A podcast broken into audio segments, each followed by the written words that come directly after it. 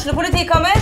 Ine Jansen er purk. Er du purk? The motherfucking bitch. Alt jeg vil, er å finne ut hva som skjedde med mannen min. Jon Carew. Er jeg sikta for noe? Iben Akeli. Det er du.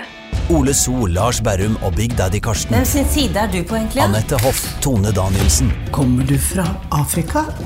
Jørnis Josef, Nesten. Kløfta. Trond Espen Seim, Det er synd å si det, men det var feil mann som døde. Purk. Premiere tirsdag på TV2 Play.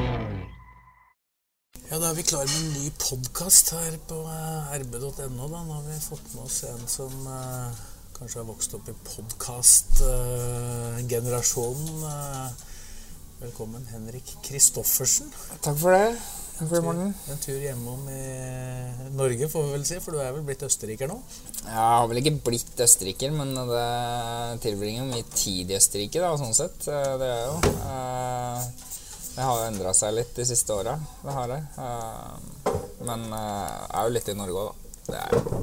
Kan, kan du på en måte, For de som ikke skjønner hvorfor det lønner seg å bo i Østerrike Folk tenker jo at det har sikkert med penger å gjøre. Hva, hva, hva er det som er viktigste grunnen til at du faktisk eh, flytter hit? Nei, altså det er jo det er for å være nærmere renna og slippe så mye reise og kunne være mer hjemme, da. Ehm, norm, for å ta januar som et eksempel, da, normalt sett som alpinist, norsk alpinist i januar så bor du 31 dager på hotell. Eh, I fjor så bodde jeg åtte dager på hotell, eh, og resten bodde jeg hjemme i Salzburg. Så det, det utgjør eh, i hvert fall for min del en stor forskjell. Nå har jeg jo ja, nå er jeg 23 og har kjørt v-cup siden jeg var 17. eh, så jeg har holdt på der med fem-seks år allerede. Og skal vel forhåpentligvis holde på med det i ja, kanskje ikke ja, nærmere ti år til. da, Mellom åtte og ti år til. Og da da For min del så tror jeg det er helt alfa og omega å kunne, ha, kunne være hjemme så mye som mulig. For at uansett så blir det jo mye reisedager. Selv om jeg er mye mer hjemme i Salzburg, så har jeg jo ja, opp mot uh, Skal vi se ja, Nærmere 200 reisedager, selv om jeg på en måte har, har bopel der. Så det Nei, det, For min del så tror jeg det er alfa og omega. Jeg tror ikke det hadde gått så bra som det gjorde i fjor, eh, med tanke på alt energilekkasje og alt sånt, hvis jeg ikke hadde hatt den muligheten til å slappe av så mye som jeg gjorde da. For folk som ikke bor like mye på hotell som du da har gjort i dine relativt unge år, hva, hva, hva er problemet med å bo på hotell? Nei, altså det er, jo, det er jo mye mer behagelig å kunne bo hjemme. da, Bo i sin egen seng, eh, lage sin egen mat, eh, alt sånt. Og du blir eh, Du får sånn brakkesjuke nesten av å bo på hotell. Eh, I hvert fall når du gjør det mye.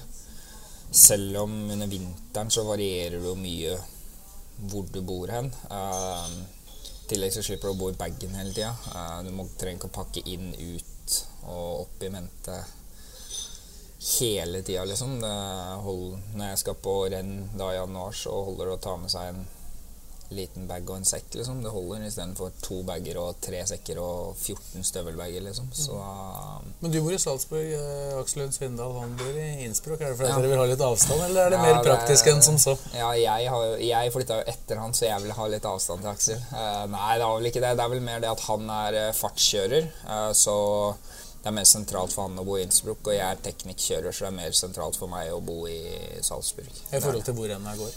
I forhold til hvor renna går, og i, mye forhold til hvor vi trener. Um, når jeg er i Østerrike, trener jeg jo veldig mye i Reitrand og Hinterreit. Og det ja, Jeg bruker vel 40 minutter med bil til Reitrand. Uh, 40-45 minutter. Så si at du bruker 1 12 timer hver dag da, på tur-retur, og så bruker du ja, tre timer på trening. Så er det si fem timer maks da, til sammen. Da har du 19 timer av resten av Som døgnet hjemme. som du ikke er på hotell? Som du ikke er på hotell. Slipper å være på hotell og bare ligge på hotell og visne bort. Du har liksom muligheten til å prøve å ha et halvveis normal hverdagaktig eh, når du er litt mer hjemme. Og så er det jo Du slapper jo av mye bedre hjemme enn det du gjør på hotell. Det gjør man, jeg gjør i hvert fall. Så nå er vi jo veldig i nåtida, men vi må, jo- vi må jo gå litt tilbake i tid, Henrik. Selv om du ikke er en eh, gammel mann ennå, så, så har vi jo vært med på det. Hva, hva er hovedårsaken til at uh, du som tross alt er fra relativt uh, flate Romerike, har blitt en av verdens aller beste alpinister? Du er ikke den første som har gjort det fra dette området, det skal jo sies, men, men hva, hva, hva er hovedgrunnen til at du har blitt alpinist? Um, altså Fattern sto på ski da han var liten, uh, fram til han var en 16 år eller noe sånt. Um, men det er jo altså Marikollen skisenter og Rælingen skiklubb har jo betydd mye for Kristoffersen-familien. Um, farfar har jo vært uh, formann i skiklubben og er vel æresmedlem. Og uh, fattern har vært sportsleder. Onkel har vært sportsleder. Mutter'n kasserer. Tante har vært kasserer. Farmor har vel styrt så å si hele klubbhuset og skihytta der. Så det, det har betydd mye for familien sånn sett. Og det, det blei jo veldig mye tilbake til det når på en måte jeg blei en fire-fem år. Um, og ja Det, det blei liksom bare sånn. Um, hvorfor han har blitt så god, er det jo mange forskjellige grunner til. Um, men jeg tror, jeg tror det har veldig mye med det miljøet jeg hadde jeg tror, For det første så har det mye å gjøre med hvordan jeg er oppvokst i den familien jeg er i. um, de kåra jeg kommer fra. Uh, og hvordan mindset på en måte familien har. da. I tillegg så tror jeg det har veldig mye å gjøre med det miljøet jeg hadde i Rælingen skiklubb, som jeg er oppvokst med. Um, jeg har Tommy Akselsen som et eksempel, som er trener på Dønsje skigymnas nå, der jeg gikk på skigymnas. Um, han er fem år eldre enn meg, og jeg trente jo alltid med de som var eldre enn meg. Uh, og Tommy ga seg aldri. Uh, han var ikke, var ikke utrolig god på ski, eller noe sånt, men han, uansett hva, så ga han seg aldri, spesielt på barmark. Og det er jo noe jeg tok etter. ikke sant? Når jeg var åtte år og han var 13, så er det ganske stor forskjell på fysikken. Eh, og jeg fikk jo mye juling og sånt. Det gjorde jeg jo. eh, av både Tommy og Christian Østli og litt sånn. Så det Det Jeg tror det gjorde noe at jeg måtte pushe så mye hardere for i hele tatt bare prøve å henge med, da. Eh, Men Skjønte du da at dem var større, at det var unaturlig at du skulle slå dem? Eller? Ja, jeg, jeg skjønte det jo til en viss grad, men jeg ville jo ikke innrømme det eller gi meg, jeg heller, for det var jo ingen av dem som ga seg. Eh, jeg husker vi, hadde, vi har jo hatt utrolig mye barmarkstreninger, og ja, det en stor del også av suksessen sånn sett da, i forhold til det med Rælingen og sånt, det er jo Einar Witteveen. Eh, hadde det ikke vært for Einar, så tror jeg ikke Han har liksom lært opp veldig mye. Uh, for Einar var jo worldcuptrener på 90-tallet. Så han har jo på en måte ført veien sånn sett, da, og Einar har vært en veldig stor del av det. eh, det har han. Um, og Einar klarte jo ikke å gjøre det samme opp igjen to ganger, så vi hadde utrolig mye variasjon. Eh, og det var jo var mye pushing fra, fra både fattern og Einar, og da jeg husker vi hadde etter trening i Markollen så skulle vi stå i utforposisjon på flatmark så lenge som mulig, og den som vant skulle få en premie. Og da tror jeg etter fem minutter så trodde de vel at vi skulle gi oss, for det var fem minutter igjen av treninga. Og etter ti minutter så var det sto liksom kjernen igjen, da. Og etter et kvarter så måtte de bare si stopp, for det var ingen som, ingen som, ingen som gadd å gi seg. Og alle nekta å gi seg, og sto grein til slutt, men det nekta å gi seg for det. Så det, det tror jeg har gjort veldig mye av den jeg er i dag. Eh, det miljøet der. Eh, jeg husker jo når jeg var jeg var 10-11 år gammel, så starta vi å trene to økter i sommerferien. Altså barmarkstrening, da, fysisk trening, to økter i sommerferien hver dag Da var hadde skolefri. Uh, og det var jo selvfølgelig en del av det var jo litt aleine, men veldig mye av det var jo med skiklubben, uh, med den gruppa.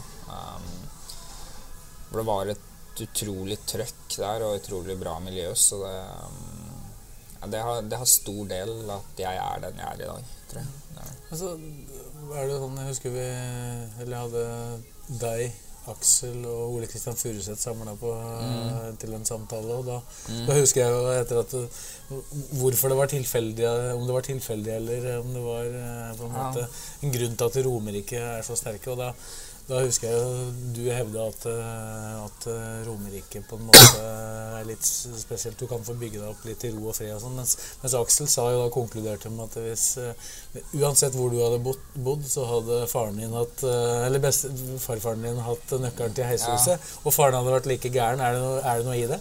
Ja, det ligger nok litt i det. Det gjør det. Jeg hadde ikke vært der jeg var i dag, hadde ikke vært for dem. Um, Samtidig så Altså, det blir jo Du er mye mer avhengig av et miljø når du er liten, sånn sett føler jeg, enn når du på en måte har blitt eldre og voksen. Uh, fordi til Altså, du driver jo med en Altså, alpint er jo en individuell idrett. Uh, samtidig så er, driver du jo i et lag og i en gruppe. Uh, men jo el... Altså, det som er, da, at det skal du skal du bli god eller best, da, så må du faktisk skille deg ut litt i den gruppa. Fordi gjør du Er du lik som alle andre, eller gjør ting likt som alle andre, så blir du like god som alle andre. Og da kommer du aldri til å bli best, i hvert fall. Uh, det er jo mange av gruppa som kan bli gode, liksom, men du kommer aldri til å bli best. Og det er jo uh, Og det er jo enda mer sånn når du blir på europacup og worldcupnivå, føler jeg sånn sett at du blir ikke Du må på en måte gjøre din greie mye mer, da. Uh, fordi da begynner ting å bli så spissa. Uh, mens når du er liten og fra du liksom er en fem-seks år til du går på skigymnas, liksom, sånn, så er du, du er avhengig av et godt klubbmiljø. da. Uh, jeg husker da jeg gikk på skigymnas, så var det sånn Det var klubb, det var et skjellsord. det var liksom åh, det er så klubb, liksom. Når ting var dårlig, så var det klubb. Men det husker jeg både fattern og jeg reagerte veldig på. Fordi at vi Vi hadde ikke vært der vi er i dag, hadde ikke vært for den klubben og de som var i den klubben. Og vi gjorde ting veldig bra. Um, hvordan folk gjør det andre steder, det veit jeg ikke. Men vi hadde utrolig trøkk, og vi brukte de ressursene vi hadde, og det var et utrolig bra gruppemiljø. da. Uh, selv om det selvfølgelig var krangling og alt sånt der òg. Men det er jo helt naturlig. Uh, men det var liksom sånn at det var ingen som ga seg. Og selv om folk ikke var spesielt gode på ski, så var det som det var en innsatsvilje der som bare overgikk alt annet. Og det um, Ja, jeg hadde kanskje jeg, jeg veit ikke om jeg hadde vært der jeg er i dag hvis jeg hadde vært i et annet miljø, men det har i hvert fall hjelpa meg på veien, det, det jeg kommer fra i da Det har det. Og så kom jo ikke helt bort fra familien og sånn. Altså, oppveksten din, altså hvordan var på en måte en eh, årssyklus i familien Christoffersen i dine barneår? Ja, eh, jeg er jo fra gettoen på Løvenstad, holdt jeg på si, da. Eh, jeg har vel klart å presse å si det en gang på TV før, men eh, det Nei, det, altså, Jeg veit ikke helt hvordan årssyklusen sånn var, men det sto utrolig mye på ski om vinteren. Uh, og jeg tror jeg var på Juvas første gang, altså Gallopin sommerskisenter, når jeg var seks-sju år gammel. jeg. Kanskje seks år gammel eller noe sånt. Seks-sju. Uh, jeg husker jeg var i Sveits første gang jeg var ti eller elleve. Uh, det henger faktisk et bilde av meg nede i Sasfed, der jeg var nå og trente i september, på en sånn restaurant der. Og det bildet tror jeg er uh, ti år gammelt, eller noe sånt. er det et bilde de har funnet fram igjen, eller? Nei, ja, den, nei, men det har stått der hele tida. Det har det. Og det er av Rælingen skiklubb, da. Det er ikke bare av meg. Men det er litt kult, for da kommer jeg liksom nå ti år seinere, og alle veit liksom hvem du er, sånt, og da må du signere det bildet og, og sånn. Altså det, det, er sånne ting som jeg syns er litt kult, da. Det syns jeg. Men uh sommerferien eh, Da var ikke dere ettersom jeg har skjønt, så veldig ofte på lange ferier eh, Nei. i varmere strøk? Nei, vi, vi, var vel ikke det. Jeg har, eh, jeg har feira bursdagen min flere ganger på Folgefold maskinsenter. Det har jeg. Og du har bursdag 2. juli? Da, jeg har bursdag 2. juli midt på sommeren. Det så det Og det var ikke Altså, vi, vi, brukte det vi hadde til å stå på ski, veldig mye. Altså, vi er ikke Vi har aldri vært fattig, på en måte. sånn sett. Det har vi ikke. Vi har tross alt stått på ski, både jeg og broren min. Uh, men vi var ikke på sydenferie eller noe sånt. Vi brukte de penga vi hadde til å stå på ski. Og um, om sommeren så var vi mye på ski. Uh, vi trente også mye barmark om sommeren, fordi at uh, skolefri. Da har du tid til å trene. Eh, og det tror jeg det er veldig mange barn som egentlig glemmer. sånn sett, at det, Nå skal du på ferie når det er sommer, liksom. Eh, men da var vi hjemme og trente, vi. Da trente vi to økter om dagen fordi det var da vi hadde tid til det. Eh, og det er også noe jeg, det reagerte jeg litt på når jeg kom på skigymnas spesielt. Jeg har jo jeg har alltid stått på ski i juleferier og påskeferier og trena juleferier og påskeferier, men da skulle du liksom ha fri fri juleferien og sånt, og det husker jeg bare var helt ute av det blå for min del. Det Ja, men Var det fordi sånn. du ble pålagt eller var det fordi du ville det sjøl? Du skjønte kanskje ikke like mye av hvor mye som skulle til da, som du gjør nå? Nei, det var, altså Fattern sier jo det til den dag i dag, at han har vel aldri pusha meg til å dra på trening. Aldri sagt at i dag må du trene. Har vært på trening, så er det en annen sak. Uh, men det var fordi at jeg ville det sjøl. Jeg ville jo stå på ski sjøl òg. Eh, det ville jeg. Eh, så jeg har ikke Jeg har vel gjort noen ting jeg ikke kanskje hadde like mye lyst til. Men samtidig har jeg på en måte aldri jeg har, fått lov til å tatt mine egne valg sånn sett. da. Uh, Fattern har sagt det hvis du har lyst til å slutte på ski, liksom, så kommer ikke han til å stå i veien for det. Uh, men han ville jo helst at jeg skulle stå på ski, da. Det ville han jo. Eh, men han òg gjorde det ikke med en intensjon av at eh, I hvert fall som jeg har blitt fortalt, da, så gjorde han ikke med en intensjon at du skulle bli best i verden. Han gjorde vel mer en intensjon at uh, skulle lære seg verdier, og kanskje ikke gå på Strømmen storsenter når du var tolv år gammel og drive med dank, ikke sant? Ja, For, du, du, for du har jo vokst opp i en generasjon som har hatt enorme muligheter og tilbud mm. sammenligna med den generasjonen jeg vokste opp i, og faren min, da, som er på samme alder som meg. Så det er jo en helt annen type oppvekst. og det, er Mm. jo ikke, det står jo ikke på tilbud og muligheter til å uh, sitte her rolig. Nei, det, det gjør ikke det. Og selv om det er mye tilbud, så er det veldig mange som sitter rolig. Eh, Det er veldig mange som sitter foran TV-en og sitter foran PlayStation og dataskjermen og alt sånt. Og det, jeg var jo ikke interessert i det når jeg var liten. Da ville jo jeg være ute og finne på sprell, holdt jeg på å si. Eh, For jeg klarte ikke å sitte i ro da. Eh, Nå klarer jeg det, for nå har jeg blitt eldre. Og prioriteringene endrer seg sånn sett. Men det, det Nei, det var liksom det som var intensjonen til mutter'n og fatter'n. At uh, vi skulle drive med idrett for å lære oss verdier og ikke havne i feil miljø og sånt. da. Det var det. Altså, Du som ung alpinist hadde jo helt sikkert drømmer og forbilder og sånne ting. Det har du Ja. vel sagt en del om før. Men når gikk eh, liksom den drømmen du hadde, over til at du begynte å faktisk tro at det var mulig? Ja, det, er, det er veldig vanskelig spørsmål sånn sett, fordi at jeg Altså, jeg Det som er at jeg var ikke god med en gang jeg starta å stå på ski. Alle tror da at jeg er et skitalent. Men det er jeg ikke. eh, og dem som sier noe annet, den kan si hva de vil, men de veit ikke. Eh, for de eneste som veit, det er familien min og de, de som så meg stå på ski da jeg var fem år gammel, liksom. Bror min han catcha det med en gang. Han hadde skifølelse fra første dagen. Men han hadde ikke treningsviljen, ikke sant. Uh, mens Ja, jeg var god når jeg var ni-ti år gammel. Men da var jeg allerede trent i tre-fire år. Så det var pga. at du hadde trent, ikke fordi at du var Alt er, på, alt er pga. at jeg har trent. Altså det er jo, Einar Huitfeldt sier jo det. Jeg er jo, ikke, jeg er jo ikke et skitalent. Jeg er et produkt av hard trening og mye arbeid. Um, og det ser du noe spesielt på barmark og sånn òg. Jeg husker jo den Jeg husker jo, eller Husker du ikke? Det er beviser på det at Einar film... Jeg var jo starta alltid sist og var alltid sist på alt fordi jeg var yngst. Og Einar filma alle de andre, og så stoppa han å filme før jeg kom. For han mente jeg var så dårlig, så det var ikke verdt å filme det. Så jeg har jo vært helt elendig på ting. Eh, men jeg har trent såpass mye at jeg har på en måte blitt god på det. Um, det er ikke sånn at jeg er turner nå, liksom. Men jeg klarte ikke å stupe kråken når jeg var sju år gammel, liksom. Nå, eh, nå er jeg Jeg er kanskje over gjennomsnittet, da, sånn sett, av en normal menneske. Altså, som sagt, jeg er ikke i nærheten av Arne Turner, men jeg er på en måte over gjennomsnittet. da. Eh, og det er fordi at jeg har trent så mye, og, det, og vi har gjort så mye forskjellig. Vi har hatt så mye variasjon, spesielt både på skitrening og på barnevernstrening. Um, så det Ja, jeg er ikke noe Jeg er ikke noe skitalent, altså. Det er jeg ikke. Eh, Men, men forbil, forbildet du har hatt, det var jo Kjetil André Aamodt, det har Ja. du fortalt før. Og Ja.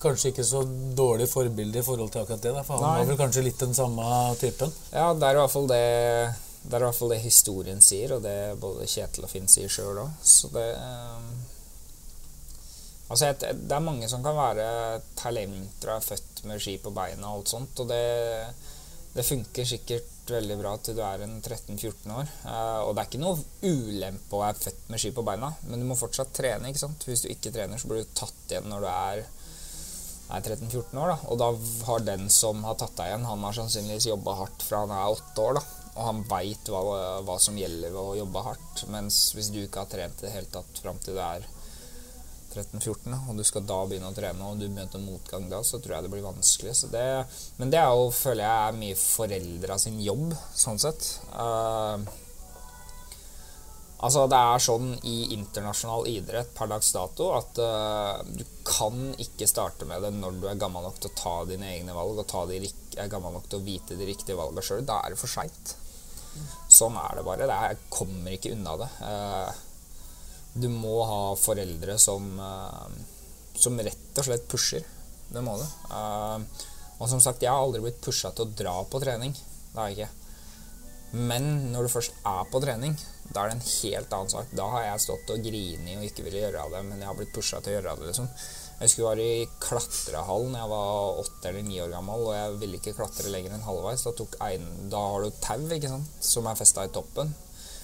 Da tok Einar og fatter'n og dro meg til toppen, bare for at jeg skulle liksom overvinne den frykten. da.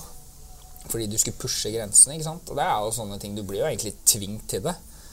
Men fy fader, så glad jeg er i dag for at de gjorde det. ikke sant? Eh, det er kanskje ikke like morsomt der og da, men jeg har fått utrolig mye igjen for sånne ting. Hvor mye vondt du egentlig har hatt det på trening, da, og hvor mye du har gjort som du kanskje egentlig ikke hadde hatt lyst til å gjøre, får du veldig mye igjen for seinere. Og det Men, men, Ja, hvordan, men sånn- hvordan er dette? Du nevnte jo at broren din kanskje hadde et større skitalent og catcha det med Mm. en gang. Men han ble jo sikkert pusha også på den samme måten. Men uh, hvor, hvor, Han- hvor langt skal du pushe det hvis ikke Ja, det, ungen vil? det er jo vanskelig, da. Altså, Magnus blei Altså, broren min blei ikke pusha så mye. For at han ville ikke, og da, da sa fatter'n at det er greit, liksom. Hvis du ikke vil, så er det greit. Men jeg sa det, jeg vil dra og trene. Og når jeg først var på trening da, da hjalp det ikke om jeg ville gi meg eller ikke, altså. Det gjorde det ikke. Uh, så det er, det er jo lettere å spørre fatter'n om det sånn sett, da. Eller mutter'n, for den saks skyld. Uh, fordi at jeg Dem har jo hatt to forskjellige. De har hatt en som ville trene hele tida, og en som ikke ville trene i hele tatt. Altså, jeg husker jo det var så mye bråk hjemme, for han skulle ta på seg ulltøy, og det klødde, og nei, det var bare kaos. Han ville ikke, ikke sant. Han ville gjøre noe annet. Ja, han, jeg, jeg vet ikke, han endte jo opp med å stå på ski da, og gå på skigymnas og sånt. Jeg tror han er veldig happy for det den dag i dag. Jeg tror han er veldig glad for det. det er, men han har aldri blitt pusha på den samme måten, sånn som jeg har blitt, kanskje. Men, men for det snakkes jo veldig ofte i idrett om uh, Kall det gærne foreldre, Mm. anførselstegn. da. Ja. Og, og det er jo Men det, du mener at faren din balanserte det på en måte? Da, at der viljen var, der kjørte han på, og der viljen ikke var, så slaka han av? For det er jo kanskje det som kan være litt vanskelig for for det du forteller nå, så oppfordrer du egentlig foreldre til å være litt gærne og pushe, Ja, det- selv, om, selv om ungen ikke nødvendigvis er den beste. Nei, men altså skal du Hvis du har en, hvis du har en unge som er åtte-ni år, da, og sier at vet du hva jeg, For jeg sa vel første gang jeg var åtte Jeg har blitt fortalt i ettertid at jeg ville bli best, liksom. Og har du en Ut ifra mitt ståsted, som har vært unge sjøl, som ikke har barn sjøl, og ikke er spesielt gammel ennå, men som kanskje har lykkes noenlunde, så så du må pushe hvis du er foreldre. Jeg sier ikke at du må pushe til å dra på trening og trene tre økter om dagen og være helt gale, Mathias, liksom. Men når du først er på trening, i hvert fall, så må du pushe. Og som foreldre så må du være med og hjelpe til. Eh, det var også ræling. ikke sant? Alle foreldra var med og sklei og salta om våren og hjalp til hele tida. Nå det er, ikke noe, det er ikke noe vondt ment sånn sett egentlig, og det er ikke noe stikk til noen. Men jeg var på Geilo nå, det, det er så utrolig mange foreldre som står med vanlige sko i bunnen av bakken og ser på. Altså Hvorfor ikke ta på seg ski og hjelpe til? Det er, jo, sånn- det er i hvert fall sånn jeg er oppvokst, med at alle hjalp til hele tida. Måtte dra i samme ende, ikke sant. Eh, Og hadde det ikke vært for foreldra i regningen, så hadde jeg aldri kunnet stått på ski. Um, så det um, jeg, jeg, oppfordrer foreldra til å være litt smågærne. Jeg ser ikke noe problem i det sånn sett. Og ja, da, da kommer du igjen til det med at uh, hvis ungen har lyst til å bli god, så må du faktisk pushe. Det må du. Du har ikke noe valg. Skal du bli god internasjonalt en dag i dag, i så å si hvilken som helst idrett, så krever det så mye, og du kan ikke starte med det når du er 16 år gammel. Da er det for seint. Dessverre. Det er det. Hvor mye andre type idretter dreiv du med parallelt med dette? For allsidighetens skyld? Altså, jeg, Som de fleste så spilte jeg vel fotball litt, men det var ikke veldig lenge. Det var det ikke. Eh, jeg har sykla veldig mye. Sykla noen rundbaneritt og terrengritt og litt forskjellig. Jeg har kjørt mye motocross fra jeg var 6 til jeg var 11, og så starta jeg å kjøre igjen da jeg var 15-16. Eh, jeg har klatra mye jeg har, gjort, jeg har gjort det meste, egentlig. sånn sett. Men det har vært skikjøringa som har ligget som, på en måte som målet hele veien? Ja, det har det. det har det. Men det var ikke akkurat sånn at uh, når jeg dro og klatra, så var det ikke sånn at jeg tenkte spesielt mye på at det her skulle hjelpe meg på ski, for da var det morsomt å klatre. Uh, og jeg kjører jo motocross fortsatt fordi at det hjelper meg jo på ski. Men jeg hadde jo fortsatt kjørt motocross selv om det ikke hadde hjulpet meg på ski. For det er jo morsomt. ikke sant? I tillegg så er det utrolig bra fysisk trening. Uh, så det, altså, variasjon er utrolig viktig, og det, det har mye å takke fattern og Einar for, og Einar spesielt. Altså, vi hadde utrolig mye variasjon. Vi spilte jo, spilte jo hockey på rollerblades om sommeren, liksom, i regnet. Og når du møter hverandre på rollerblades, så kan det gjøre vondt for å si sånn, hvis du ligger på asfalten etterpå. Spesielt når jeg var ni år gammel og du møter en på 14, så lå jeg sannsynligvis i en vanndam et eller annet sted uh, med skrubbsår. Men det, det, er som jeg sa i stad, at det har gjort meg gjort meg til den jeg er i dag. Da. så, men variasjon er, eh, er, utrolig viktig. Det er det. Så det er ikke sånn sett sagt at du skal bare drive med alpint fra du er seks år gammel. Liksom. Det er ikke det jeg sier. Uh, og du må på en måte finne din idrett, men det er litt sånn generelt for hvis du har lyst til å bli god internasjonalt i hvilken som helst idrett, så det, det krever utrolig mye. Da. Det det.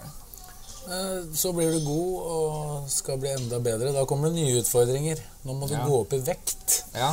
Og for, og, og, og for oss, oss, som legger på oss, bare vi ser på kjøleskapet, så er det interessant ja. å høre hva, hva, du gjør for å gå opp i vekt. Nei, altså jeg jeg, Det blir jo mye mat, da. Jeg er jo ikke Jeg er glad i mat, men jeg er ikke glad i å spise så mye mat. Uh, men det blir jo det å sitte og dytte i seg, da. Uh, og få i seg kalorier. Jeg prøver vel å spise mellom 4000 og 5000 kalorier om dagen. Uh, helst så bør jeg ligge på 4500 til 5000. Det er litt mer enn gjennomsnittet ja, bør ligge på? Ja, jeg veit ikke hva gjennomsnittet Gjennomsnittet er vel 2,5 eller noe sånt på en voksen mann.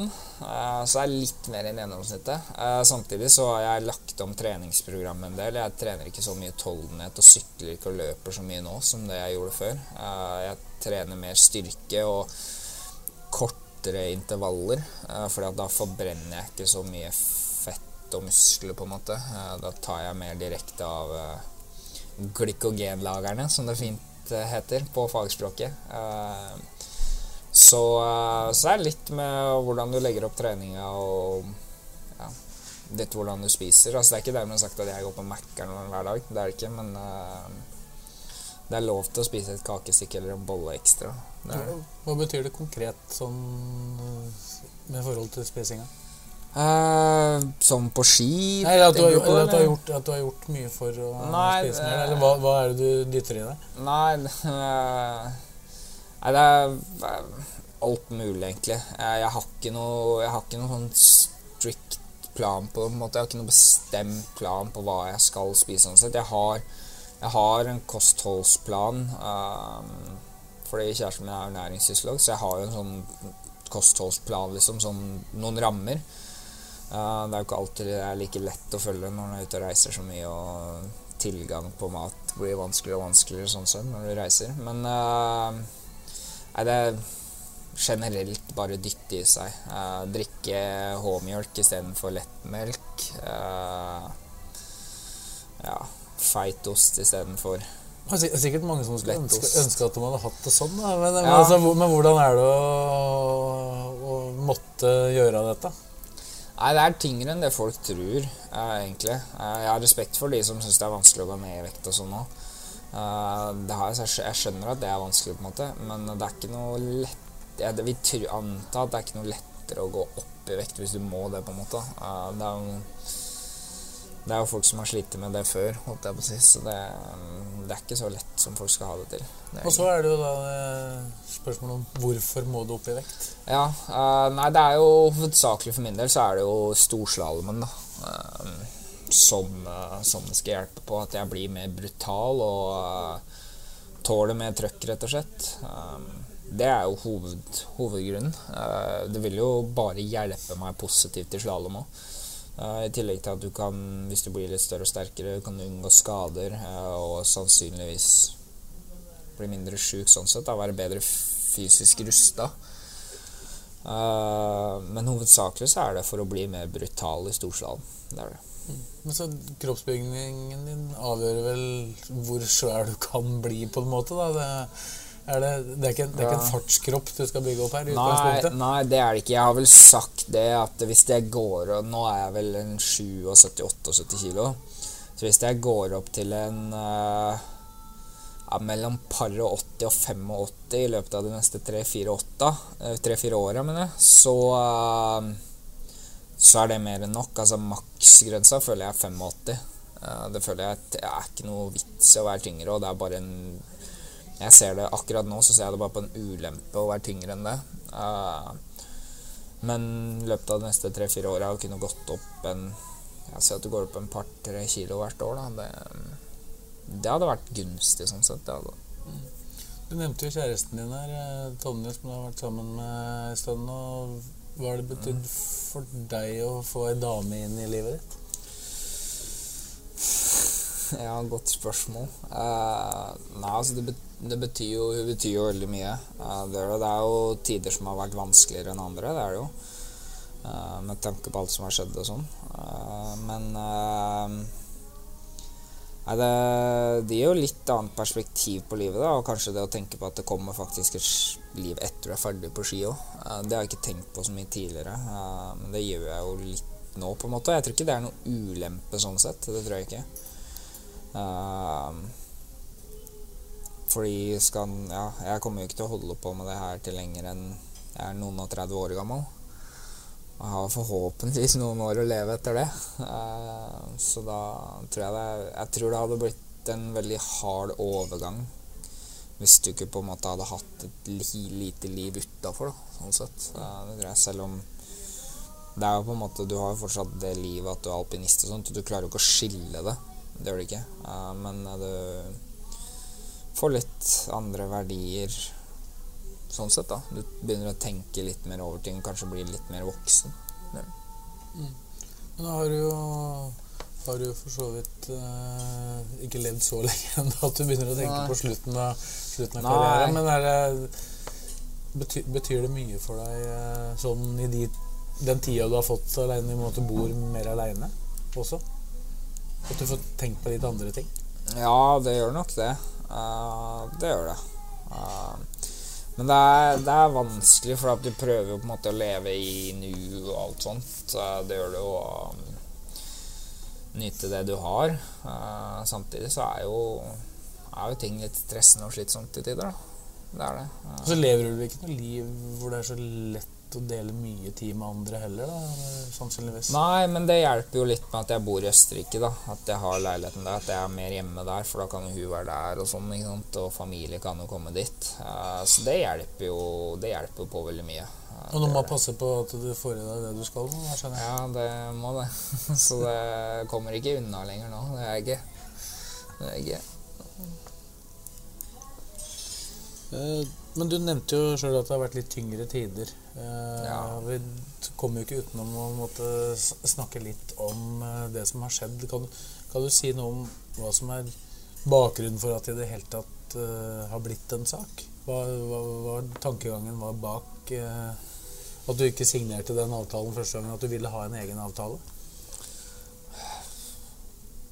Altså, Det er vanskelig å snakke om, og jeg skal ikke snakke for mye om det. Uh, nå er på en måte den saken sin egen del nå. nå jeg er på en måte litt ferdig med å snakke om det. Uh, det er jeg. Uh, jeg skjønner jo at folk vil snakke om noe sånt. men nå, nå, går den saken sin gang, og jeg prøver å tenke minst mulig på det.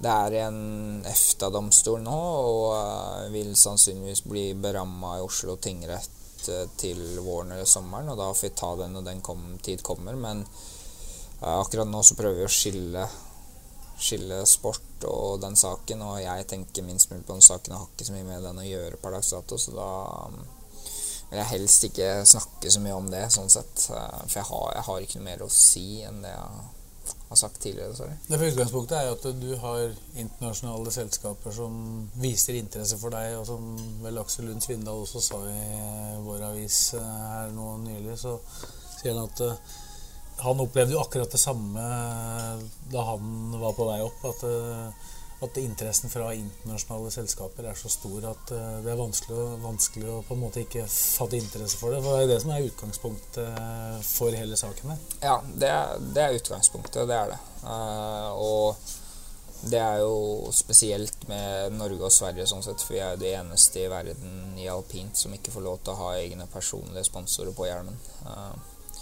Bortsett fra da Aksel. Uh, så det er, eh, det er, litt spesielt sånn sett, og egentlig litt rart å tenke på at det ikke er en regel fra FIS sin side.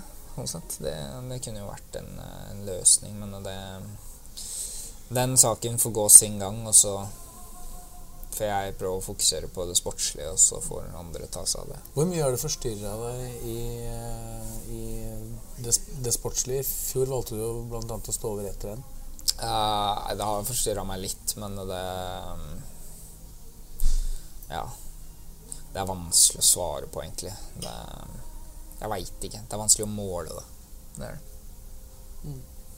Når det blir en sånn anspent sak, eh, og laget blir litt involvert, og litt sånn som det har vært nå, hvordan, hvordan takler du det? Er det, liksom, det er en helt, helt, ny type sak for deg å komme borti, da?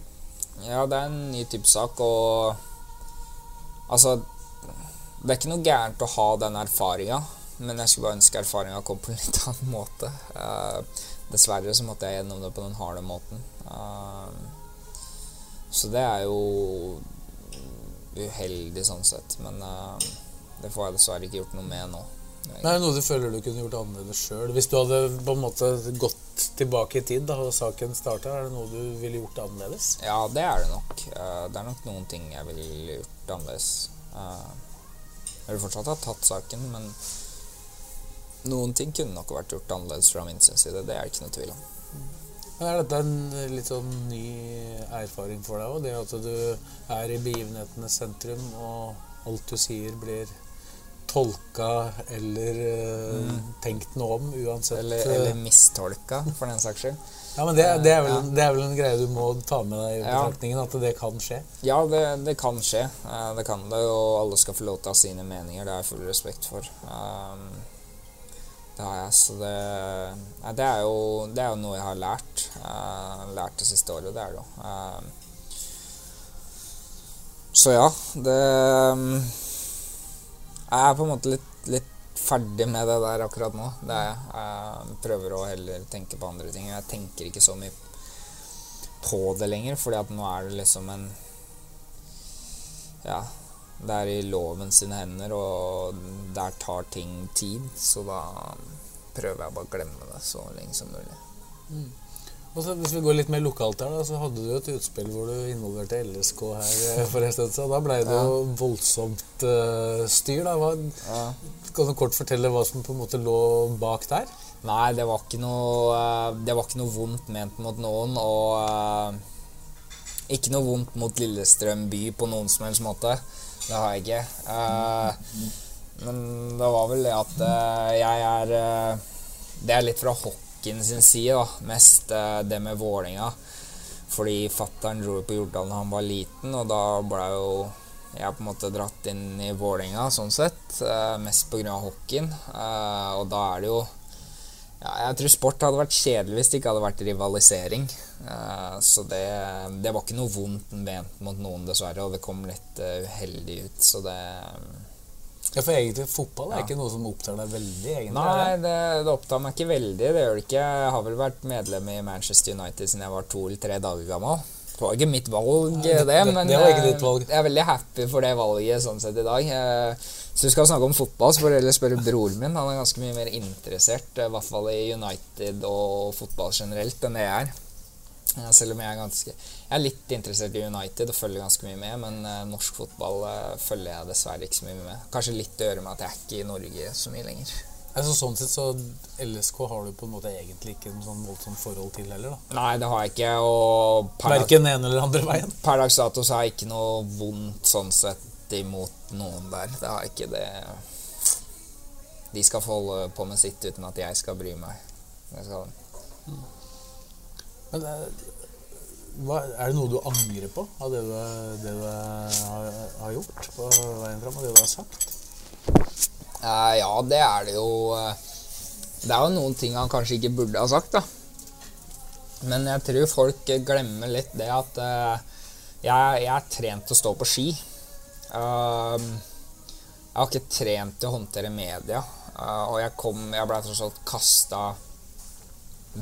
veldig hardt inn i det. Jeg var jo var litt i media før jeg var 18-19 år òg. Men jeg ble kasta veldig hardt inn i det sånn rundt OL-tider. Litt før OL og etter OL og sånt. Da ble det jo veldig mye. Uh, og det har jo gått utrolig mye fortere enn det jeg egentlig var forberedt på. Og som jeg sa, du er ikke trent til det da, å håndtere det media. Og jeg tror ikke jeg, jeg tror folk kan tenke litt over hva de sjøl gjorde når de var en 19 par og 20 år, da. Det er ikke sikkert alle var like smarte da, eller, uttalte seg like riktig da heller. Uh, og det er litt sånn Hvis uh, Altså Hvis en som ikke har noe med media å gjøre på noen som helst måte, måte, så kan han uttale seg veldig mye, og det blir ikke satt noe spesielt fokus på. Men hvis jeg uttaler meg litt, grann, så blir det satt utrolig mye fokus på det. ikke sant? Så det, det er veldig spesielt sånn sett at hvis jeg sier noe feil, så er det veldig mange som veit det. Mens hvis det, Ja, hvis det bror min f.eks. sier noe, så er det ingen andre som veit det enn de som hører det der og da. Så det er veldig spesielt sånn sett. Så jeg, og det er jo noe jeg tenker over òg når jeg på en måte leser aviser og ser på TV og sånt, at det er eh, det er ikke en lett situasjon å være i. Altså, det er mange som har klaga sånn som på han Tande, han hopperen, eh, om at han liksom var klaga så mye og sånt, men jeg har, jeg har full forståelse for det. Eh, han har lyst til å bli god og alt sånt, og det, er, der med media er ikke like lett. Og det dess, dessverre, og det er jo forståelig òg, det har ikke har ikke mannen i gata alltid, så mye forståelse for. Eh, og det er naturlig sånn sett, men det Folk kan tenke litt over det. At eh, Hva hvis alle dem sine uttalelser også hadde vært i media? Hvordan tror folk at det hadde blitt eh, sett på da? Hvis du hadde vært i samme posisjonen sjøl, da. Eh, selvfølgelig er det en del av jobben, og du må på en måte lære deg det. Men ja, det er jo ikke noe unnskyldning sånn sett, men litt forståelse kunne ha hjelpa på til tider. Det kunne det absolutt. Og det tror jeg det er for flere, sånn sett. Det tror jeg. Men det har kanskje blitt en bratt læringskurve for deg, da. Men eh, har du etter hvert fått en mer bevisst strategi på hvordan du Altså imaget ditt, hvordan du vil bli oppfatta ute, eller er det ikke noe du tenker så mye på, egentlig? Ja, altså, men jeg har jo stort sett vært blid og smilende i alt jeg har gjort i media òg. I 99% av det jeg har gjort i media, så har jeg jo vært blid og smilende. Det har jo. eh, Og jeg har, jeg har aldri skyldt på noen andre enn meg sjøl når det kommer til det sportslige og sånt. Så det eh, Nei, det tenker jeg ikke så mye over. Kanskje ikke hele tida ta det rett fra levra, sånn som det har vært tidligere. Det er også noe jeg har lært det siste året, at man kanskje burde være litt smartere på det. Dessverre, fordi at jeg syns jo ærlighet er viktig, og at man skal si sannheten. Men dessverre så er verden Verden urettferdig til tider, uh, på godt og vondt. Og det gjelder jo ikke, gjelder jo ikke bare for meg. Uh, noen ganger så får du jo Jeg, jeg er oppvokst med at du får som fortjent. Eh, og ja, i idrett sportslig så får du som regel som fortjent, eh, men i resten av verden så, så er ikke det alltid tilfellet.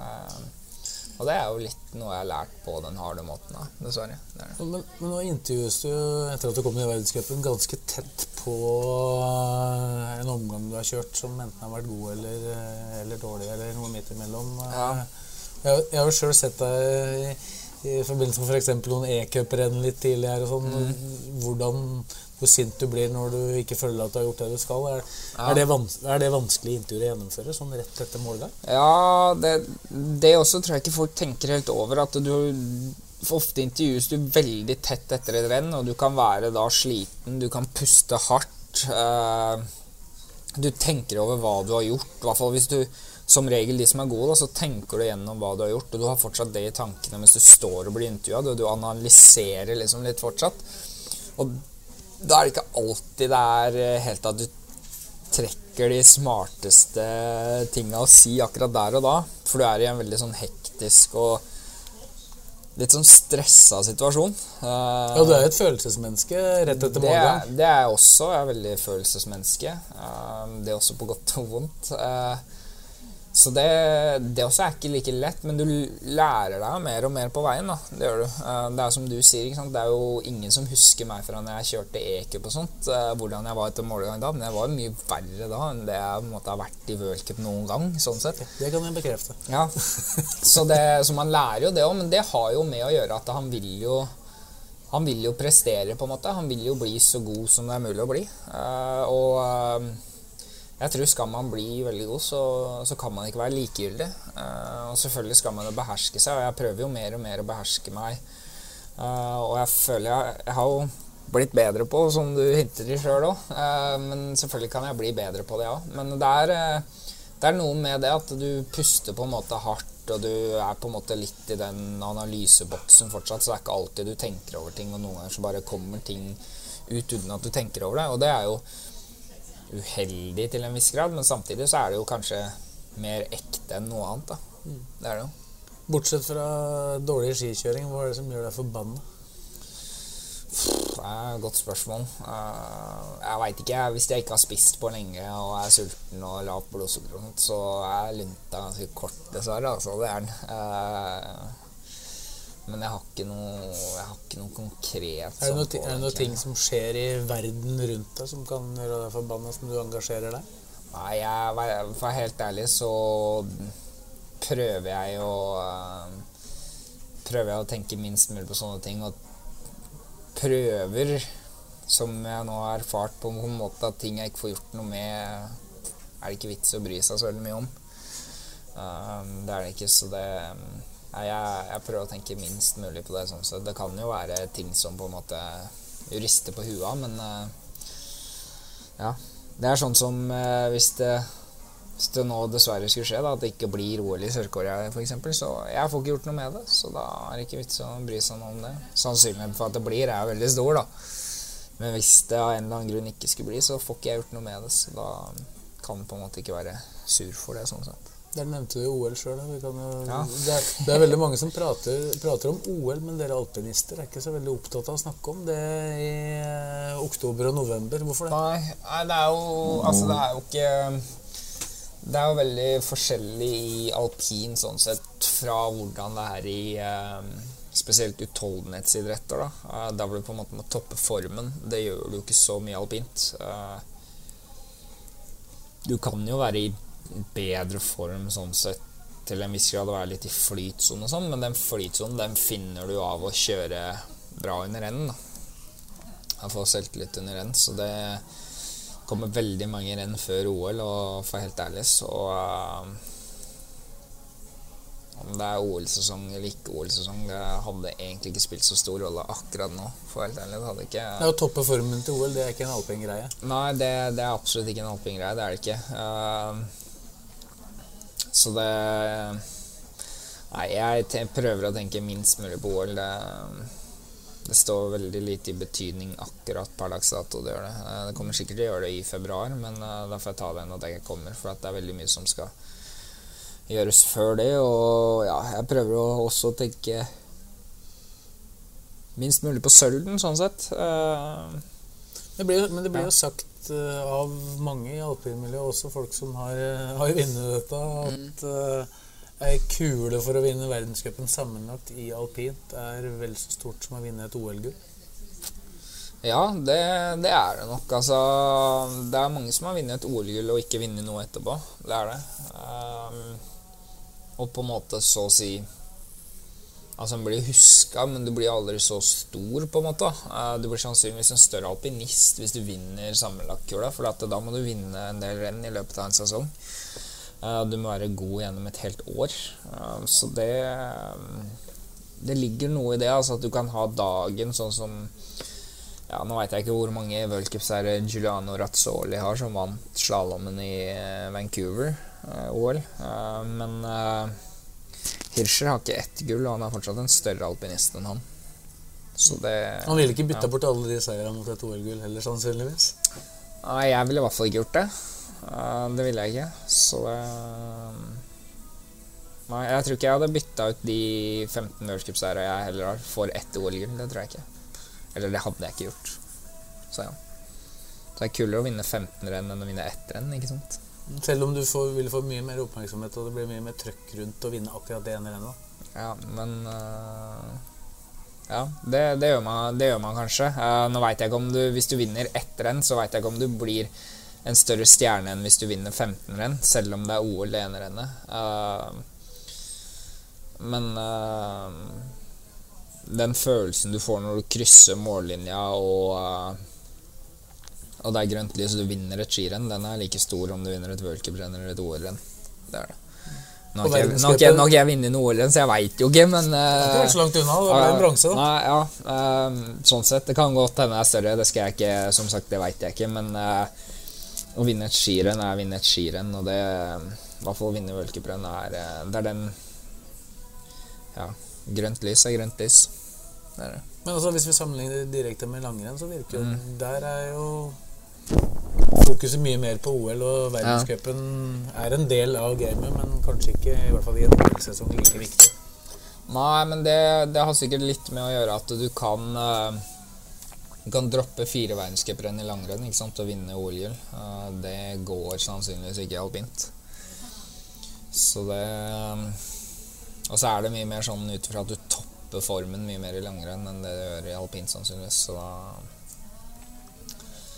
Nei, det, for min del så eh, Jeg hadde nok kanskje heller tatt uh, fem eller seks verdenscupseiere til vinteren enn ett OL-gull og ingen verdenscupseiere, faktisk. Jeg hadde nok sett på det som en mer suksessfull sesong, sånn sett. Uh, samtidig så er det jo ikke sånn at det er svart-hvitt. Man trenger jo ikke å velge heller. Man kan jo gjøre begge deler. Uh, det kan man jo, men Det ryktes at ja. bakken i Sør-Korea, hvis det da blir et OL der, eh, skal passe, passe deg godt. aldri sett bakken, aldri vært der. Dem som er best i dag, dem er best i morgen. Så det, Det er. Hirscher, Hirscher kommer nok til å være god, så vi får se. Ja, Skada seg nå, hva tror du det betyr? Jeg tror ikke det betyr noen ting. I hvert fall ikke for OL. For OL så betyr det ingenting. Det gjør det ikke. Eh, For eh, nå skal han vel ikke kjøre sølv, Jeg veit ikke om han skal kjøre Levi heller. Eh, Men han vant vel verdenscupen sammenlagt med 700 eller 800 poeng i fjor. Og hvis han går glipp av ja, de to første renna, som er uh, det beste en utøver kan få, er 200 poeng, så kan han jo fortsatt vinne sammenlagtcupen lett, sånn sett, hvis han fortsetter i samme spor som i fjor. Uh, Nå håper jeg jo at noen har blitt bedre. Jeg håper at jeg har blitt bedre òg, sånn at jeg kan ta mer poeng, men uh,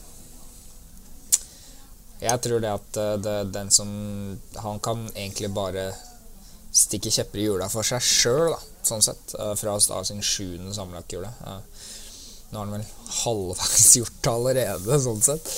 Men øh, det, det er jo ikke Men det er jo Sånn to skje, som ja. har planer om å pushe den fra hver sin kant.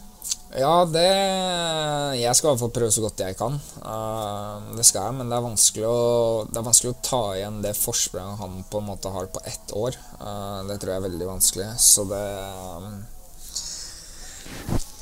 ja, Vi får se hvordan det går. Jeg orker ikke snakke så mye om samlacupen nå. Det er på en måte Det kan vi ta i mars en eller annen gang, eller i februar. For det, det er så mye som skal gjøres for det, og det er så mye som skal klaffe, og du skal kjøre så bra på ski. og snakke om at det er målet ditt nå, sånn som en del andre gjør, det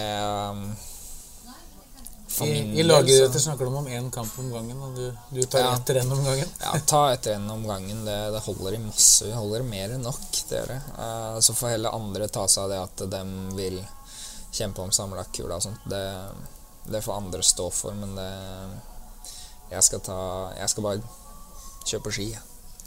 Litt bort fra alpinbakken igjen. Hva gjør Henrik Kristoffersen når han ikke gjør noe som har med ski å gjøre? Sitte foran TV-en. Og, og hva ser du på der? Nei, jeg veit ikke. Som ikke har noe med ski å gjøre. Altså, trening er vel for ski å gjøre, da. Nei, jeg veit ikke. Nei, jeg og Tonje skal vel se 'Snømannen' på fredag, så hører på kino, og så ja Nei, jeg veit ikke. Jeg sitter nok en del foran TV-en. Ja. Um. Hva er det du ser på TV? Eller hva helst vil se? Hvis det ikke er idrett, da. Nei, uff, det er mye TV-serier, da.